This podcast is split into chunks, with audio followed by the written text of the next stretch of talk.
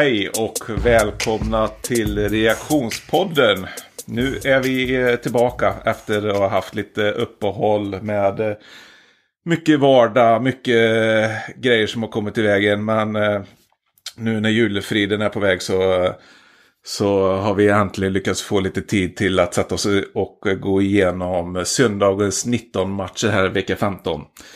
Eh, vi presenteras i vanlig ordning av GameDay.se. Där ni köper era supporterprylar naturligtvis. Och med mig idag, Daniel Krona, så har jag Magnus Adolfsson och Mattias Olsson.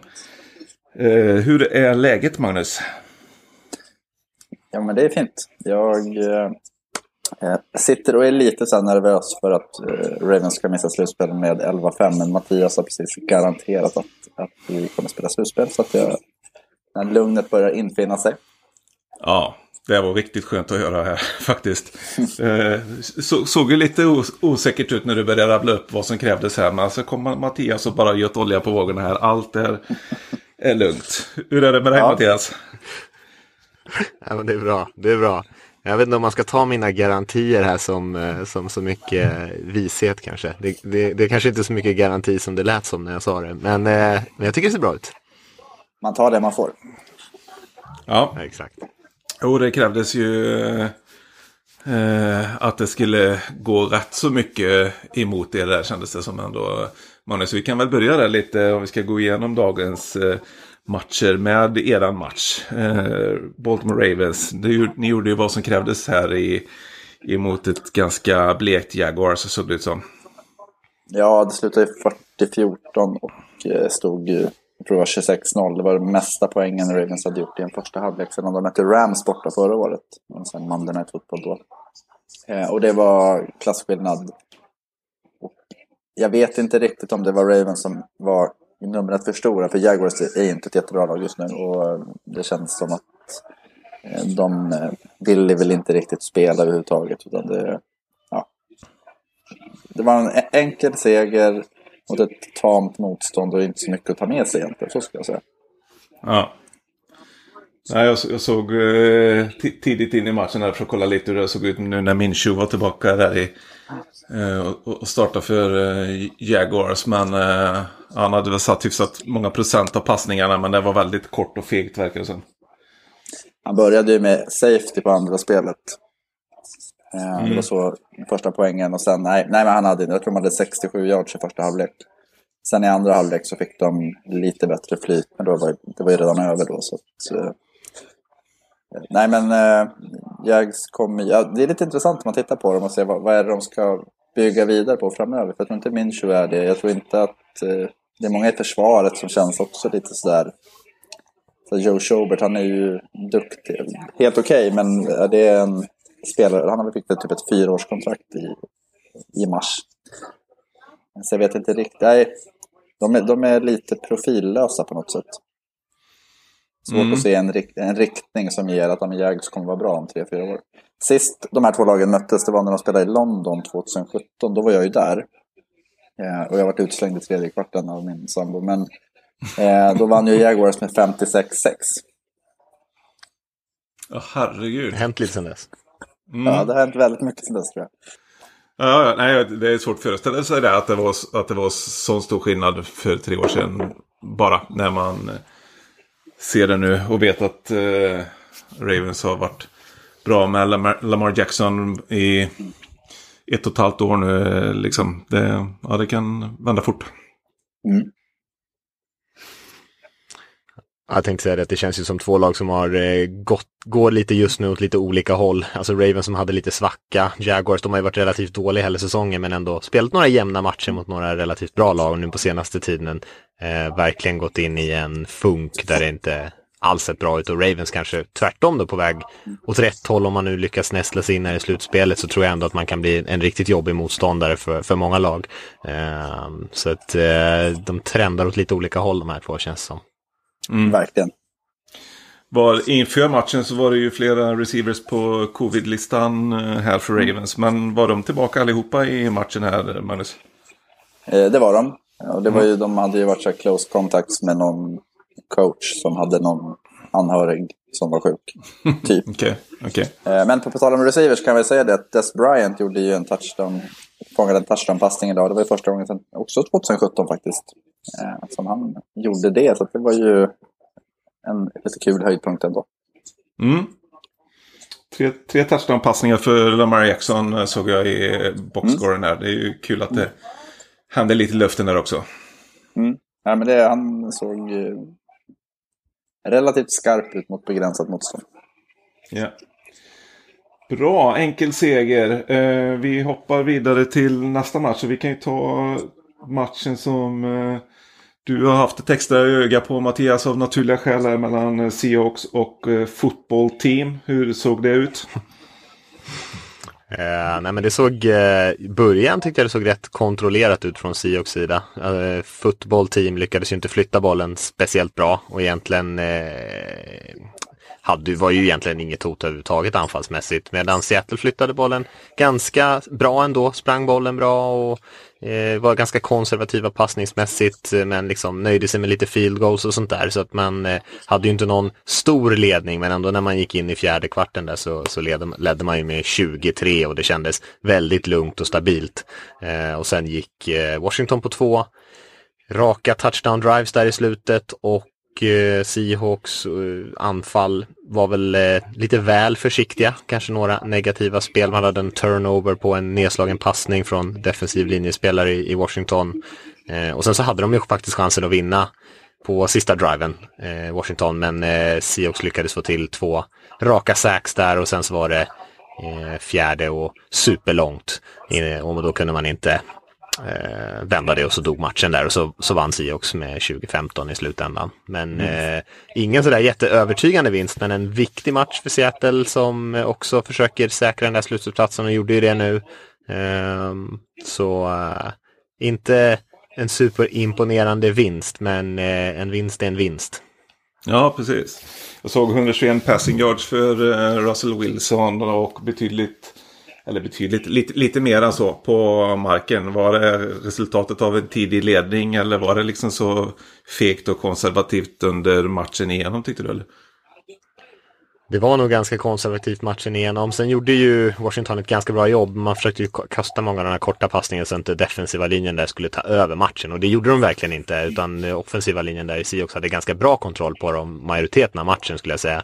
Eh, och det var i stort sett inga sacks eller något sånt där. Väldigt få negativa spel. Men ja, lite sen Wilson hade den där streaken han hade några matcher med rätt mycket turnover så har man spelat ganska försiktigt, försökt luta sig mer mot springspel. Jag tror inte att det är någon jättebra riktning framåt där. Men i de här matcherna som man måste vinna och kanske egentligen är ett bättre lag. Då är det klart, då funkar det. Spöa Jets och spöa Washington. Det funkar på det sättet. Men eh, jag tror man måste våga släppa lossan lite grann om man ska, om man ska kunna utmana den här säsongen på riktigt. Eh, för det, det här typen av lag som de är i den här matchen, de har ju liksom inga, inga chanser på någon Super Bowl-mästerskap eller något sånt där. Nej. Ja, Och ni möter Rams nästa vecka. Då kanske det blir lite, lite större möjlighet att man får, måste släppa loss honom kan jag tycka mig. Ja, Jag tänker- Seahawks har alltid haft svårt för Rams anfall och det här försvaret i Seahawks är ju, är ju inte det bästa de har haft de senaste åren. Nej. Jag tänker ändå att det är, det är ju ruskigt imponerande att eh, noll sax och det, två tackle for loss mot den här Washington-försvaret. Alltså det är ändå... Det är ändå skönt att kunna vinna på det sättet och, och skydda Russell. Det är, de flesta lagen har försökt men inte lyckats mot, mot fotbollsteam och det är ändå en styrka liksom att ha den. Man tänker vart eh, Seahawks offensiva linje var för några år sedan. Då var det ju liksom fri jakt egentligen. Ja, så är det. Eh, och så eh, försvaret har ju spelat bättre i Seattle också, det ska man ju säga. Men man eh, måste ju nästan klicka på båda sidorna av bollen om man ska ha något med titlarna att göra. Men eh, man kan ju nämna Dwayne Haskins tycker jag som faktiskt spelade bra i den här matchen. Särskilt i andra halvlek var han väldigt skarp. Eh, nu är, fanns det ju lite luckor eftersom det var lite försiktigt försvarsspel men ändå placerade bollen bra och tog bra beslut och sprang bollen själv för ett par first downs och såg väldigt eh, samlad ut. Eh, så att eh, det var ändå ett positivt steg för honom. Mm. Får väl se hur de väljer att göra med det. Då. Han har inte, inte att han har stått högt i kurs hos eh, ledningen där hittills. Eh, men eh, kanske att han förbättrade sina chanser där lite framöver. Särskilt om det dröjer innan Alex Smith är tillbaka med sin, efter sin skada. Här. Mm. Mm. Jag tror inte Haskins är kvar nästa år. Nej, det känns svårt att se. Men då har de förstärkt, förstärkt sina aktier. Det är ju något lag som kommer ta chansen på dem i alla fall. Om man har gjort några bra starter eh, under sin tid i Washington. Här. Eh, Chicago. Ja, precis. Eh, låter mycket möjligt. Eh, vi kan hoppa vidare till den matchen som jag kollade mest på här. Och det var ju AFC East-mötet eh, mellan eh, Miami Dolphins och eh, New England Patriots. Eh, och en match som Dolphins väl egentligen behövde vinna för att eh, ha en bra chans på eh, slutspel inför de sista två veckorna. Och eh, det var lite av ett defensivt ställningskrig, eh, särskilt inledningsvis. Eh, det kändes inte som att några av offensiverna hade särskilt mycket att, att komma med inledningsvis tills eh, Miami skrapade ihop en eh, bra drive som slutade med att Tua kastade bort en interception på Patriots mållinje. Och efter det så kunde Patriots komma upp tillräckligt långt för att ta ledningen med 3-0 på ett field goal. Och eh, ja, sen var det väl lite hafsigt eh, så. Mycket, mycket försvarsdominerat genom hela matchen egentligen. Och det såg ut som att Dolphins skulle ta ledningen på en eh, scoop and score när eh, Cam Newton famlar bollen med bara en halv meter kvar till eh, sidlinjen. Eh, och, och då tror det var eh, eh deras eh, corner i Dolphins, vad heter han? Howard. Savin Howard. Savin Howard ja, eh, som fick tag på bollen och sprang ner den. Men Patriots räddades av att eh, en Dolphinspelare hade haft eh, halva foten på sidlinjen samtidigt som bollen nuddade honom precis innan. Och då var vi ju bollen död där. Eh, och istället kunde Patriots gå upp till 6-0. Så då kändes det ju som att det skulle kunna bli lite, lite tufft för Dolphins. Men eh, det var faktiskt eh, Tua Tagovailoa som var den quarterbacken i matchen som stod för eh, touchdowns med fötterna och i andra halvlek så eh, eh, sprang han in en boll och han snek in en boll. Och det var ju det som eh, avgjorde det här till slut. Eh, egentligen Dolphins vann med 22-12 i en match där eh, Patriots inte gjorde en enda touchdown och hade väldigt svårt Eh, och skapa någonting offensivt eh, egentligen. Och det är väl i ärlighetens namn inte bara Cam Newtons fel. Det såg ut som att han har tid på sig emellanåt. Eh, men inte hittar något som helst som är öppet eh, ner i banan. Och de fick inte jättemycket uträttat med springspelet heller. Så att det är eh, slut på säsongen för eh, Patriots. Det finns inte mycket att hoppas på. Och kanske var det sista matchen för Cam också om de vill se lite mer vad de har i Stidham då. Alltså, känns, Patriots känns som ett lag att gör mer än 20 poäng så vinner du. För de är så otroligt uddlösa. Ja. Mm. Och det var ju lite så det såg ut ett tag här. Som att eh, de skulle kunna hålla nere Dolphins eh, poäng. Och att de skulle kunna vinna matchen på grund av det sättet. Eh, eller på det sättet. Det hade varit deras enda chans. Men eh, det får väl eh, man ge Tua här i alla fall. Han har ju inte direkt dominerat i någon match eh, hittills än. Men eh, han gör inte heller jättemycket misstag och nu använder han fötterna på ett bra sätt här också. Så att, eh, det, var, det var mycket hans seger idag. Det är ändå kul att se om man tar, tar Patriots med Jacoby Myers. En, en andra års receiver. Han har liksom vuxit ut och är väl en av få i anfallet som faktiskt producerar. Som Michel var helt okej okay idag. Mm. Ganska låg arbetsbörda. Men jag tycker ändå att det är kul att se Myers. att han, man jämför med en Kid Harry som de valde i första rundan samma draft. Så han har ju varit, det är frågan om han är kvar nästa år. Ja, precis. Nej, Myers ser ju klart mycket eh, mer färdig ut än vad, vad Harry gör så här långt in i, i karriären i alla fall. Eh, det kan vara värt att nämna där också. Jag vet inte riktigt status där nu. Men Stefan Gilmore, deras stjärn eh, cornerback i Patriots, gick ut eh, tror det var i slutet av första halvlek med en, eh, såg, såg ut att vara en knäskada. Eh, får hoppas att det inte var något allvarligt där, men det såg väl inte helt bra ut. Nej, men ändå starkt av Dolphins, även fast de inte spelar en så snygg match kanske, de är nollade i halvtid och allt sånt där, men ändå att de tar den här matchen, eh, mycket spelare borta, framförallt i anfallet och sådär ju. Så, och då är mm. det ju, eh, en sån dag så är det kanske bara liksom få jobbet gjort som spelar någon roll, för de jagar ju också slutspelsplatser och har ju inte råd med några torskar. Nej, det var faktiskt imponerande, det får jag säga. Och de syntes ju verkligen att de eh, ville, ville vinna där. Eh, de hade något eh, riktigt läckert eh, trickplay på en pant med en eh, eh, passning snett över hela banan ifrån deras eh, panter. Eh, som kastade upp en boll som var liksom 50-50 boll som de plockade ner. Eh, och så hade de sån otur att det var, eller otur dåligt, det var eh, någon eh, eh panel, penalty på spelet med att de hade linat upp fel och, och sådär som eh, gjorde att de var tvungna att panta till slut i alla fall. Då, men det märktes att de i alla fall försökte göra lite grejer för att verkligen vinna den här matchen. Så det var kul för dem att lösa sig till, till slut. Just det. De hade en fin two point conversion också när de eh, kastade ut till en, till en spelare på vänsterkanten som pitchade tillbaka till en spelare som kom eh, springande från, eh, från ja. backfield. Eh, som ja, var lite... Ja, som en hook and ladder från två yards eh, ungefär. Mm. Det var, var häftigt. Ja, kul. Vi får se. Vi fortsätter att gå vidare här. Vi kan ju eh, gå in på varv två här då. Har du någon match Magnus som du har haft lite eh, ögon på utöver Ravens-matchen? Ja, men jag får ju säga utifrån slutspelsträdstittande så får jag säga Texans Colts.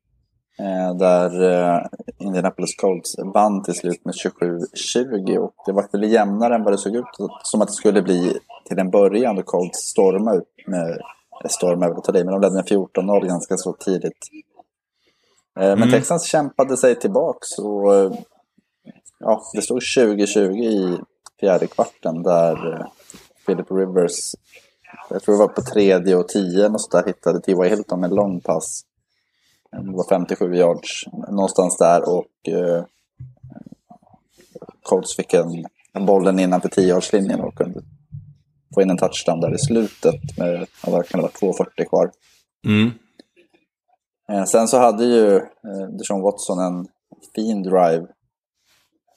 1.47 var det kvar när Zach Pascal fick en 5 yards pass från, från Rivers för att göra det till 27-20. Men sen så Texans drev upp och eh, såg faktiskt ut att kunna kvittera mot slutet men eh, Darius Leonard visar att han är en playmaker av rang, linebacken i Colts, när han slog bollen ur handen på Kiki Coty när han var på väg ner vid fyra yardslinjen och då var det runt 25-30 sekunder kvar så Texans hade haft gott om tid att eh, göra en touchdown för att kvittera matchen. Eh, så ja. att Colts kom undan lite med eh, andan i halsen men Eh, även de segrarna är ju värda lika mycket som de här storsegrarna. Så det var ju skönt för deras del. Tungt för Texans. Ja, verkligen. Med tanke på att det var andra gången på typ tre veckor mot Colts i slutsekunderna också. Det var väl för två veckor sedan som eh, Deshaun Watson famlade en snap eh, mm. när de låg precis. under med sex poäng och stod precis utanför endzone också. Så att eh, han kommer drömma mardrömmar om, om det. Slutsekunder mot mm. Colts är inget eh, han vill eh, behöva hamna i en eh, Deshaun Watson, men det kommer den att göra.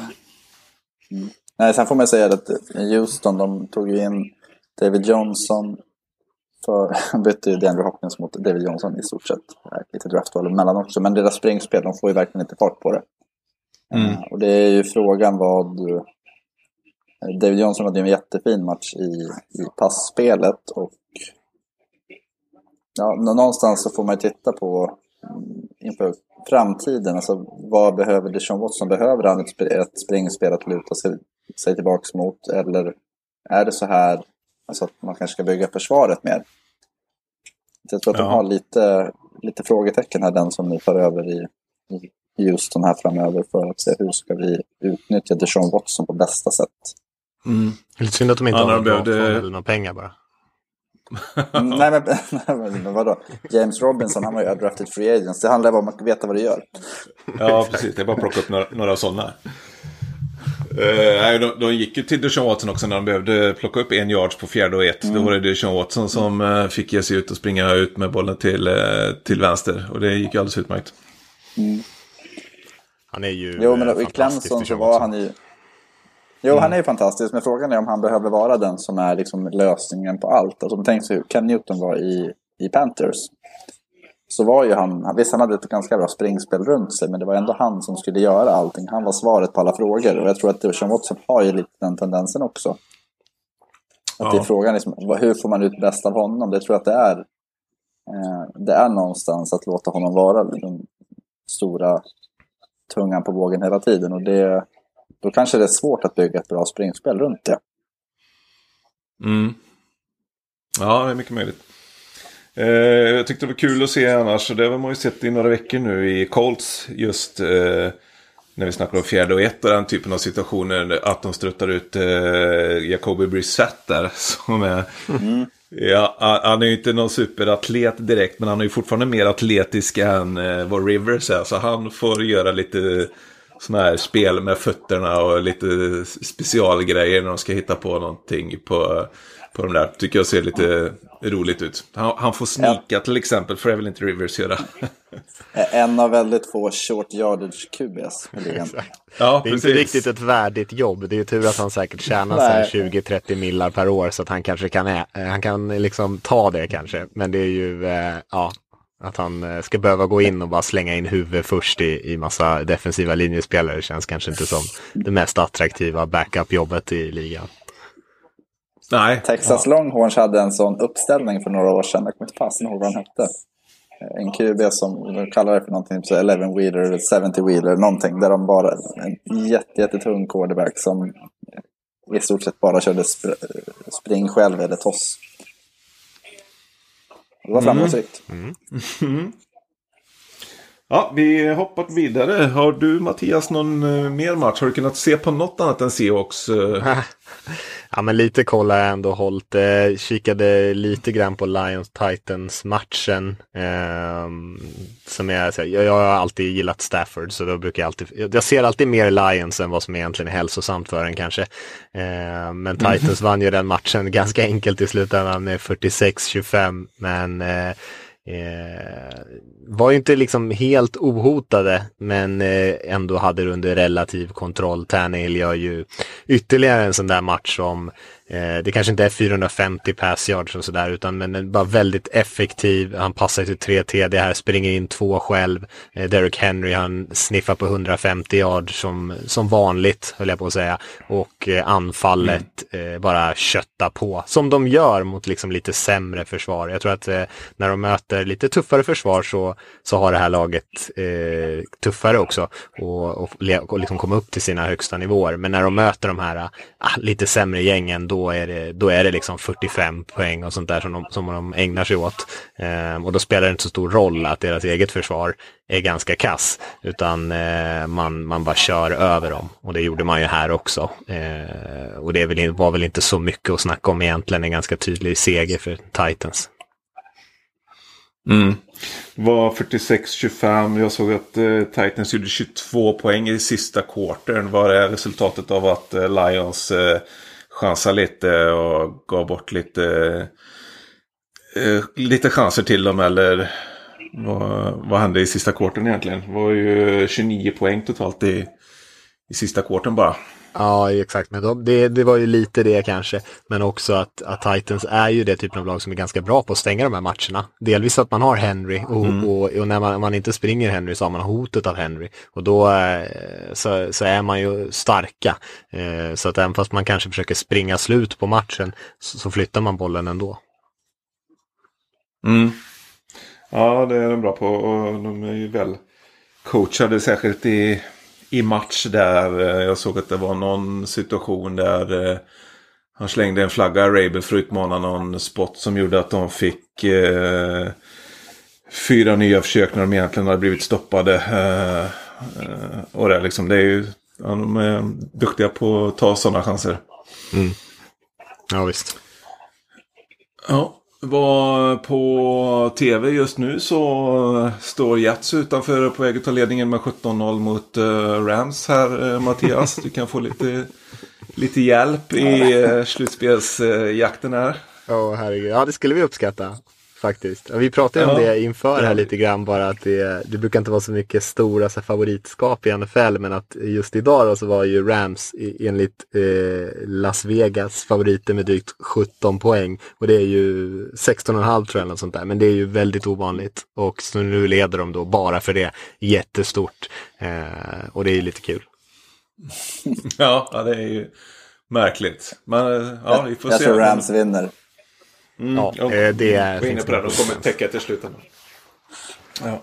Men ändå, var, hur, eh, hur kan, kan de tillåta så mycket poäng i... Eh, alltså jag, jag såg eh, Seahawks mötte ju Jets vann med 43 tror jag. Och det kändes inte som att det knappt mm. var ett lag på andra sidan. Eh, så att hur, de, hur Jets anfall kan flytta bollen mot det här superimponerande Rams-försvaret det är ju en fråga för en annan dag kanske. Eftersom vi inte ser den matchen. Men, men man blir ju lite fundersam. Ja, det ska bli intressant att, det enda, att se. Det enda jag tänker på är att Jets och Eagles är väldigt, väldigt lika i färgerna just nu för tiden. Mm. Lika på mer än ett sätt. ja. Det var du som sa det. ja, vi eh, flyttar vidare till nästa match här. Jag kan snacka lite grann om eh, eh Buccaneers mot eh, Falcons här. Och det var ju his historia som upprepade sig får man nästan säga. Med, Klassisk Falcons-match. poäng. Ja, precis. Klassisk Och alla, vet vad, som, alla och... vet vad som kommer då. ja.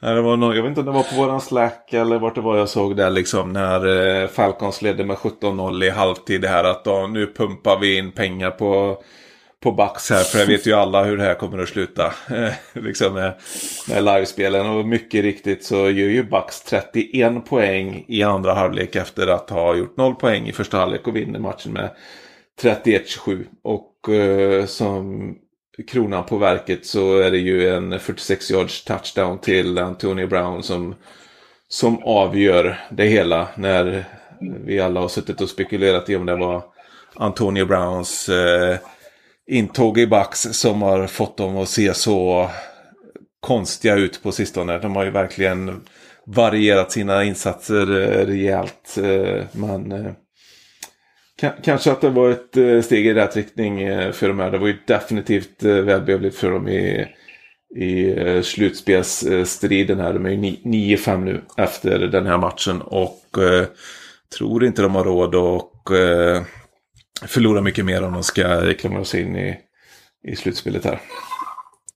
Nej, men jag, jag tänker så här, största skillnaden, första halvlek så passade de inte Mike Evans, jag tror han hade noll targets. I andra så hade han sex mottagningar på 110 yards. Mm. Det är ju, om man tänker vad Antonio Brown har gjort så att han har ju sabbat lite den här target-dynamiken som är så viktig. De, de har ju så många farliga spelare framåt. Eh, och jag tycker ofta att Evans och Godwin blir sedda på något vis i... Eh, alltså, när det går dåligt och när det går bra så är det ofta dit man går. Sen hade ju Fournette en stor match, eh, sett till vad han har presterat tidigare med två touchdowns. Mm. Jag tycker framförallt jo, Godwin blir liksom lite i skymundan. För jag tycker han är deras bästa receiver, mm. att han är bättre än Evans till och med. Och han eh, hamnar ju ofta tycker jag lite i skuggan av Evans och nu också med Brown här nu. Så nu har ju både Brown och Evans har ju fler targets i den här matchen än vad Godwin har och även Gronkowski eh, mm. eh, som var inte alls ineffektivt att spela på honom och egentligen inte varit det på hela säsongen. Eh, och så verkar man ju saknat eh, Ronald Jones i den här matchen och, och haft Fournette på, på running backen och det tycker jag är ändå ett ganska rejält drop-off för dem också i kvalitet. Absolut. Ja, Ja det är det, men de har ju valt att spela Fournette mycket även med en frisk eh, Ronald Jones i flera matcher eh, tidigare. Det kanske berott lite på hur de har lagt upp eh, matchplanen eh, så. Men jag har varit förvånad över att de har... Han, han har ju varit inaktiv i typ en månad sedan de mötte Kansas City i november. Mm. Eh, så det här var ju första matchen på nästan en månad för honom. Eh, det var hans bästa match kan vi säga, att han snittade 3,5 yard per försök. Tidigare har han ju legat på under 3 oftast. Ja, ja det säger ju en del.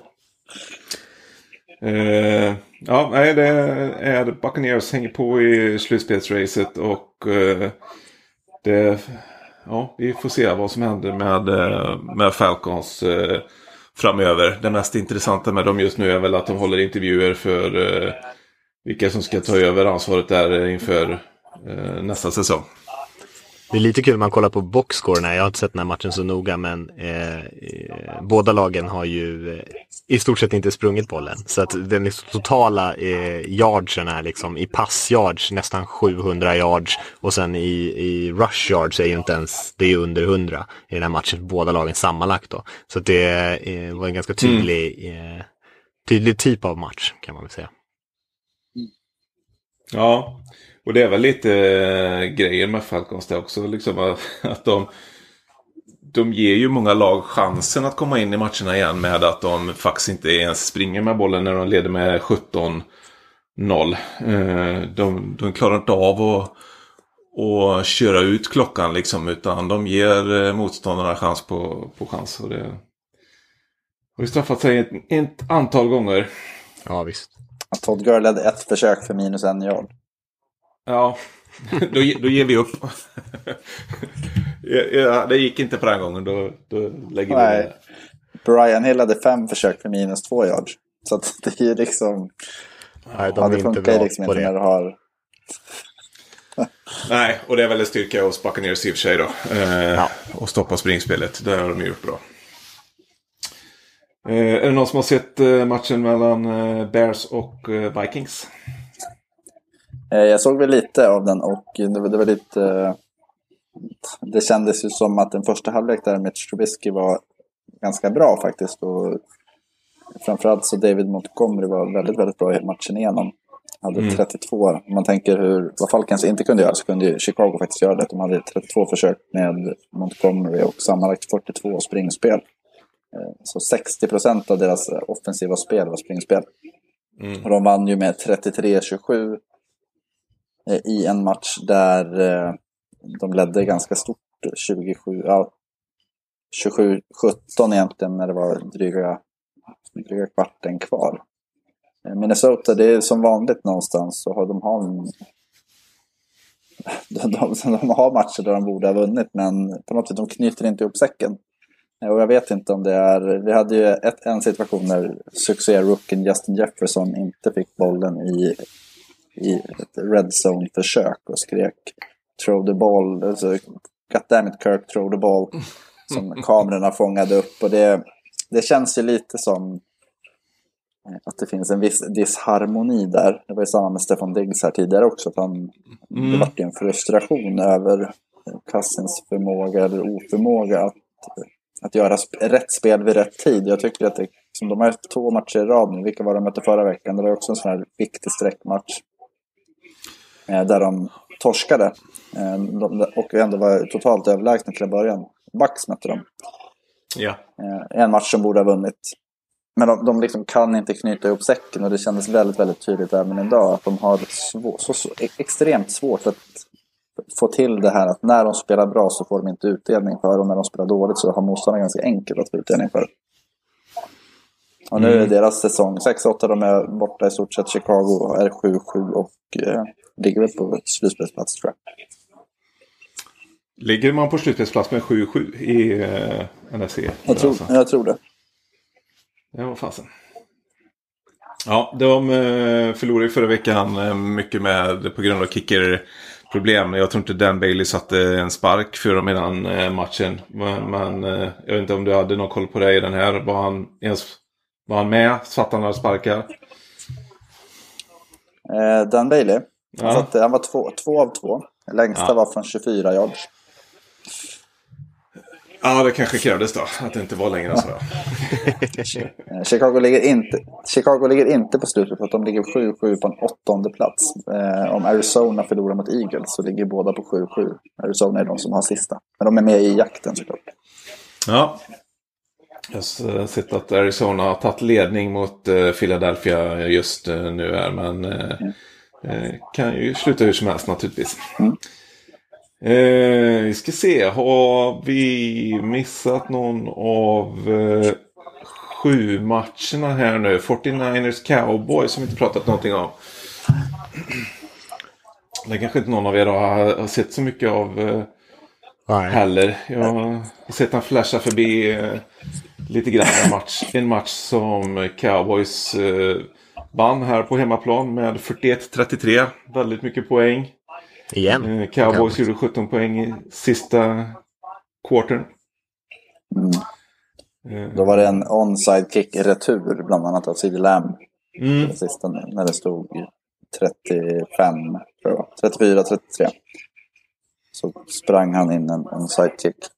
Ja, Eh, Det enda, det enda jag tänker på är att det känns ju som att när Zeke Elliott inte är med så är Dallas, då gör de mer poäng. Ja. Och det, kan, det är ju inte hans fel kanske, men det är ändå en, en, en iakttagelse. Det har varit så ganska länge tycker jag. Alltså, de har jag ju, tyckte det- Han är ju en bra spelare men Mm. eh, det är ju så här när man betalar en running back den där typen av summor så känner man att man kanske måste mata honom även fast det är kanske inte är den starkaste del av spelet. Så det har ju varit lite problemet med Dak också. Då var ju anfallet för sig väldigt bra men eh, man var ju klart mycket bättre på att passa bollen eh, med Dak med de receivers man har än vad man är var på att springa bollen och ändå kanske springer bollen lite, lite, lite för mycket.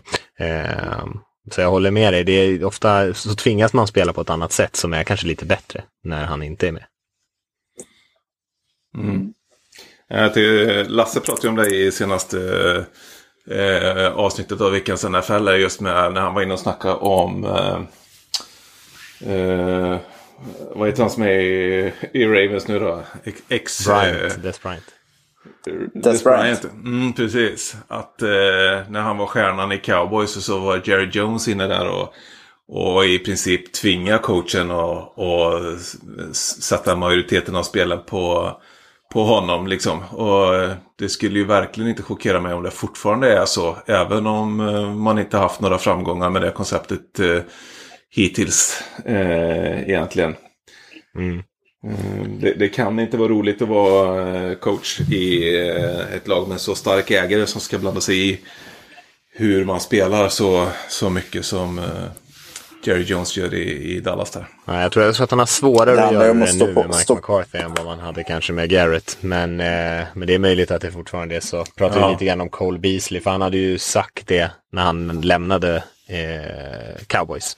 Att, eh, att det Mm. var ju en medveten strategi att passa till andra spelare som satt på dyrare kontrakt än honom. Trots att han tyckte att han ofta var fri eller till och med var en bättre spelare än många andra som kanske draftats högre eller fått ett bättre kontrakt.